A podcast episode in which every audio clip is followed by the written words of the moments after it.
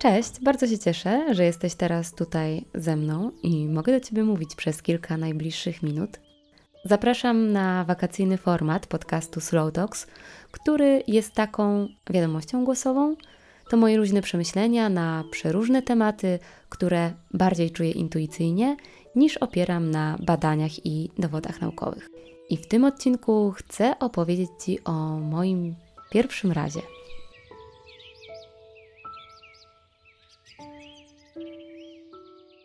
Tak sobie myślę, że nasze dzieciństwo obfituje w pierwsze razy. I to nie jest nic zaskakującego, ale tak sobie myślałam o tym, że te pierwsze razy w dzieciństwie są bardzo ważne i oczekiwanie na nie jest ważne, ale także celebracja ich jest ważna.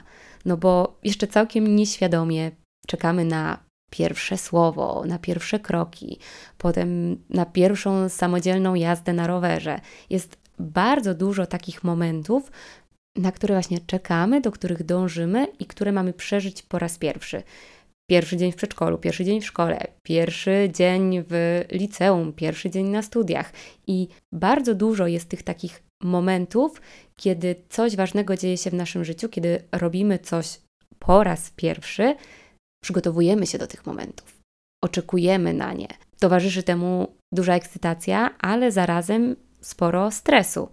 I przez to też mamy takie poczucie, że ten czas płynie wolniej, bo dużo nowych rzeczy się dzieje, bo właśnie ten czas czekania wydłuża się, czy nam się tak wydaje, że się wydłuża, bo w rzeczywistości się nie wydłuża, ale kiedy czekamy, no to jest to złudzenie, że czas płynie wolniej.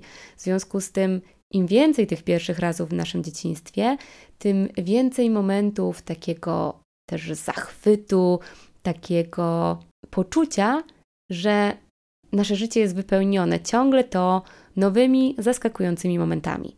A potem przychodzi dorosłość, i w tym dorosłym życiu mam wrażenie, że tych pierwszych razów jakby ubywało, no bo wracając do tej pięknej historii o tym, jaką karmi się nas, jak jesteśmy dziećmi, że mamy się dobrze uczyć, że pójdziemy do szkoły dzięki dobrym ocenom, zdamy dobrze maturę, jak zdamy dobrze maturę, to trafimy na wymarzone studia, a po wymarzonych studiach oczywiście czeka praca marzeń. No i żyli długo i szczęśliwie, przy okazji pojawia się partner, partnerka, yy, dziecko, dom, o kredycie nikt nie mówi, no ale lądujemy w takim świecie, kiedy te wszystkie kroki na drodze do bycia dorosłym, spełnionym człowiekiem się wydarzają, no i żyli długo i szczęśliwie. I to tyle.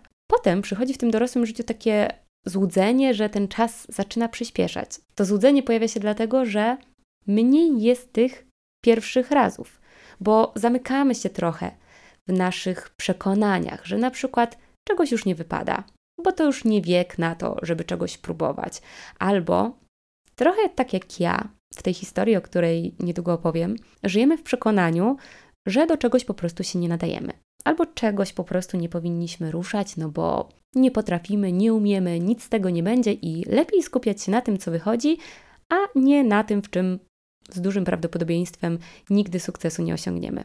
No i oczywiście temu wszystkiemu towarzyszy myśl, że rzeczy, które robimy, energię, którą inwestujemy, czas, który inwestujemy, powinniśmy inwestować w rzeczy, które dają jakiś zysk, dają jakąś wartość i są robione po coś. No bo skoro ten czas w tym dorosłym życiu nam się w jakiś sposób kurczy, ubywa go dosyć szybko, mamy dodatkowe obowiązki, no to każda minuta jest na wagę złota, no i powinniśmy przeznaczać ją na te rzeczy, które coś nam dadzą. W sensie to jest jakieś przekonanie. Ja właśnie tak wcale nie uważam i wyzbyłam się patrzenia na to, że te rzeczy, które robię, muszą mieć nawet jakiś głębszy sens.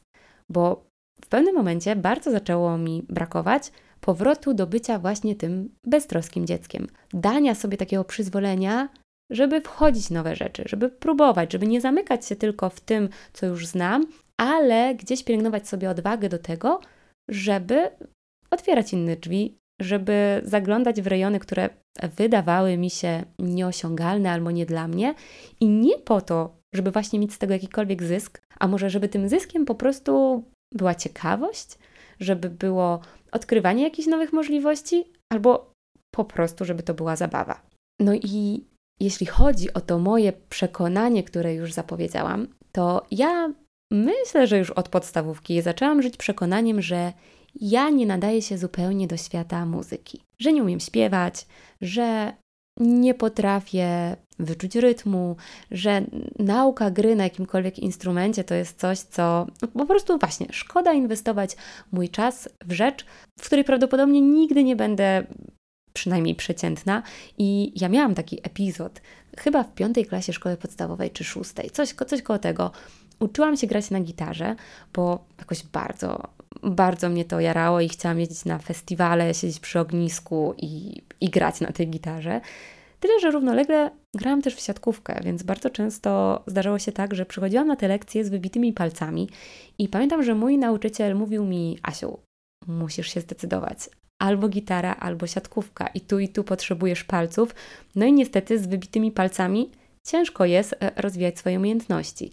No i ja wtedy, chyba zostało mi to do dzisiaj, żyłam w takim przekonaniu, że jednak da się pogodzić dwie rzeczy, ale ta siatkówka mi jarała i lubiłam te wybite palce, a ta gitara przychodziła mi z trudnością i wtedy, kiedy mi coś nie wychodziło, umacniałam w sobie przekonanie, że ja po prostu się do tego nie nadaję.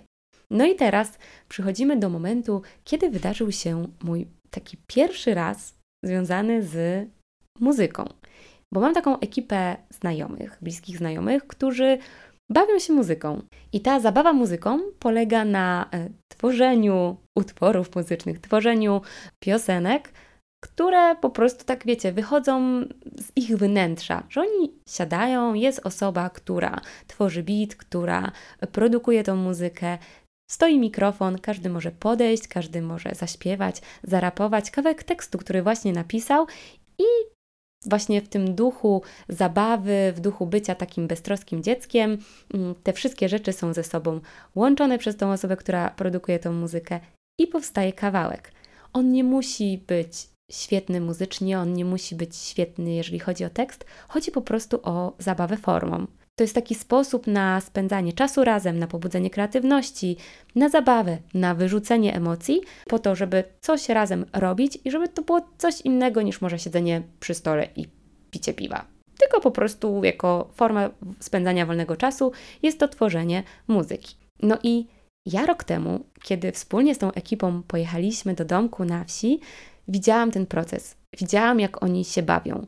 I ja czułam, że moje wewnętrzne dziecko aż wyrywa się do tego, żeby też stanąć przed tym mikrofonem. Ale z drugiej strony mój wewnętrzny dorosły mówił, że przecież to jest bez sensu. Bo nie umiem śpiewać, bo nie znam się na tym, bo pewnie się skompromituję. I to były wszystko głosy w mojej głowie. No i w tym roku znowu tą samą ekipą pojechaliśmy do tego samego domu na wsi. Chłopaki rozłożyli sprzęt, rozłożyli mikrofon. Już od dwóch czy trzech dni siedzieli w jednym pokoju, tworzyli muzykę, bawili się tym, puszczali e, po tym, jak stworzyli jakiś kawałek, efekty tej swojej pracy całej reszcie osób, które tam były. A ja znowu siedziałam obok, patrzyłam i ponownie czułam tę wewnętrzną walkę pomiędzy moim beztroskim dzieckiem, a pomiędzy dorosłym, który na każdym kroku przypomina mi, że powinnam zostać tylko obserwatorką.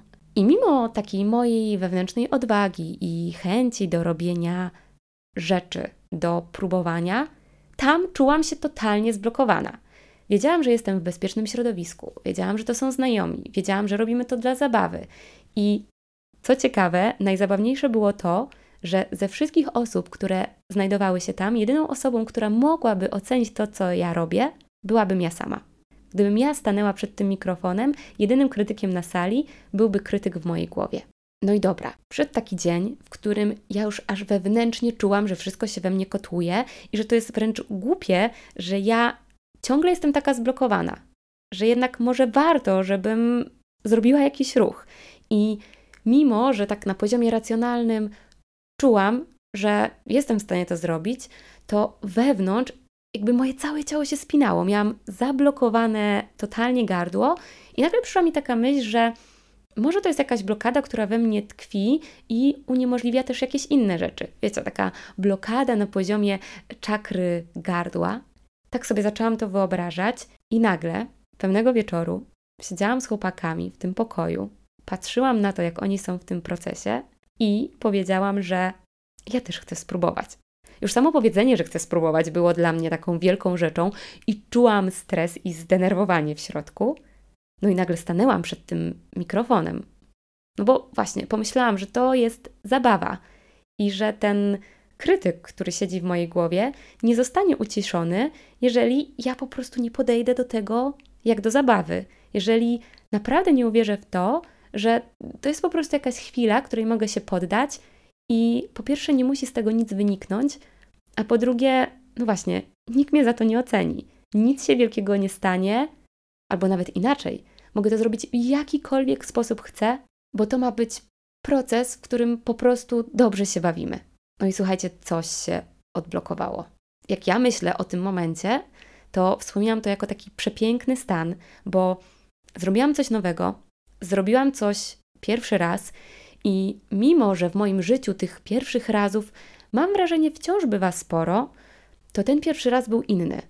Był takim odblokowaniem przekonań, był odrzuceniem tego głosu wewnętrznego krytyka i takim kolejnym etapem zaufania sobie i dania sobie prawa do tego, że ja po prostu mogę robić coś po nic.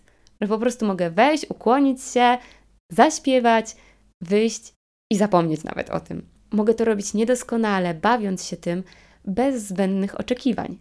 I mimo, że od tego momentu minęły już dwa tygodnie, to ja wciąż żyję tą chwilą. Jak sobie wizualizuję ten moment, to mam wrażenie, jakby, o, tak jak na reklamach tabletek na ból gardła, że gardło jest pokryte jakimś drutem kolczastym i boli, i nagle przychodzi tabletka i ona rozwala ten drut kolczasty, to ja mam wrażenie, że ten pierwszy raz właśnie coś takiego odblokował we mnie, że pozwolił mi pójść krok dalej w takim zaufaniu do siebie i dodał mi takiej siły po prostu do dalszego działania. Bo ja uważam, że takie pierwsze razy mają naprawdę dużą moc. I nie tylko te pierwsze razy przełomowe, jak ten mój, który jest dla mnie przełomowy, ale takie, by po prostu próbować nowych rzeczy. I dlatego też, domykając trochę ten odcinek, chcę jeszcze odwołać się do nauki i powiedzieć trochę o neurogenezie i neuroplastyczności, dlatego że to jest jakiś taki kolejny etap świadomości, dlaczego warto próbować nowych rzeczy i dlaczego warto dawkować sobie od czasu do czasu te pierwsze razy. Bo neurogeneza jest takim zjawiskiem tworzenia nowych komórek nerwowych, które występuje zarówno w okresie dzieciństwa, jak i w dorosłym życiu, chociaż co ciekawe, jeszcze niedawno twierdzono, że właśnie ta umiejętność naszego mózgu, że ona przemija wraz z wejściem w dojrzałość. Ale to jest nieprawda. Właśnie neurogeneza może trwać przez całe nasze życie. Natomiast ta neuroplastyczność polega na takiej zdolności naszego mózgu do dokonywania zmian w jego strukturach, do samonaprawiania się, do adaptacji i do zapamiętywania.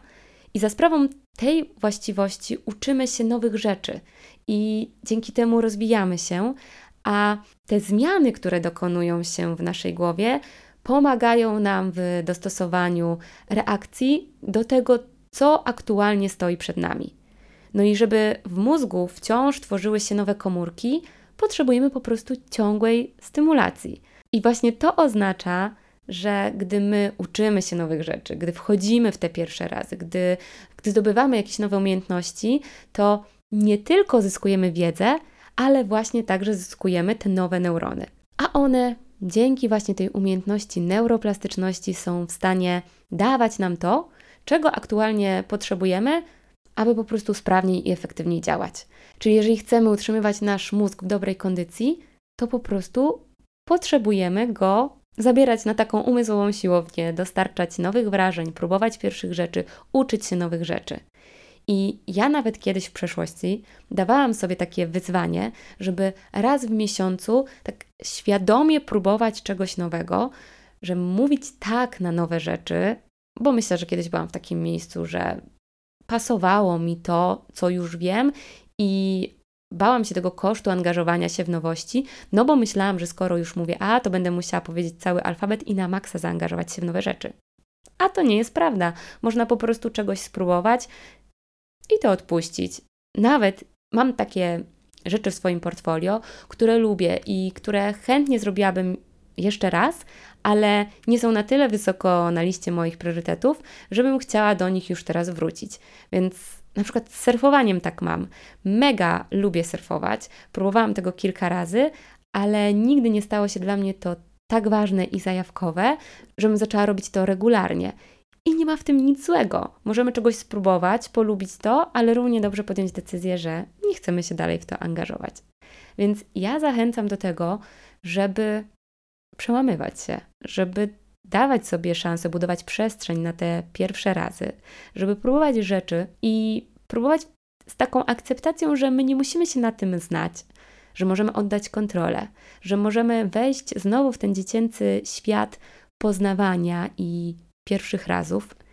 I ja nawet patrząc po sobie i patrząc po tym moim ostatnim doświadczeniu, to wiem, że to jest trudne, bo, bo to jest praca z przekonaniami, bo to jest praca z tym wewnętrznym krytykiem, który siedzi nam w głowie, ale jak puści się trochę te lejce, jak da się sobie prawo po prostu do próbowania, nieważne jakim rezultatem to się skończy, to mam wrażenie, to wiem, to wiem po sobie, że robi się po prostu lżej i budzi się taka większa ciekawość do odkrywania świata i w ten sposób opiekuje się potrzeby tego beztroskiego dziecka, które jest w każdym z nas. No i dobra, i na koniec jeszcze Wam zdradzę, że z tych moich pierwszych muzycznych razów nawet powstały dwa kawałki, które nagrałam z chłopakami. I oni mnie namawiali, żebym ja na koniec odcinka wrzuciła kawałek tego, co udało nam się wspólnie nagrać. I nie wiem, czy słyszycie, jak ja śmieję się wewnątrz, kiedy o tym mówię, bo naprawdę, jak o tym myślę, czuję się jak takie dziecko, które zrobiło coś i jest z siebie po prostu dumne, że to się udało. Ale to chyba jeszcze nie ten moment, żeby się tym dzielić, bo w końcu to była po prostu zabawa, która naprawdę dużo mi dała. I życzę Ci, żeby w Twojej niedalekiej przyszłości zagościła jakaś taka rzecz, która da Ci tak samo dużo zabawy, co mi tamto doświadczenie z muzyką. Do usłyszenia w kolejnym odcinku.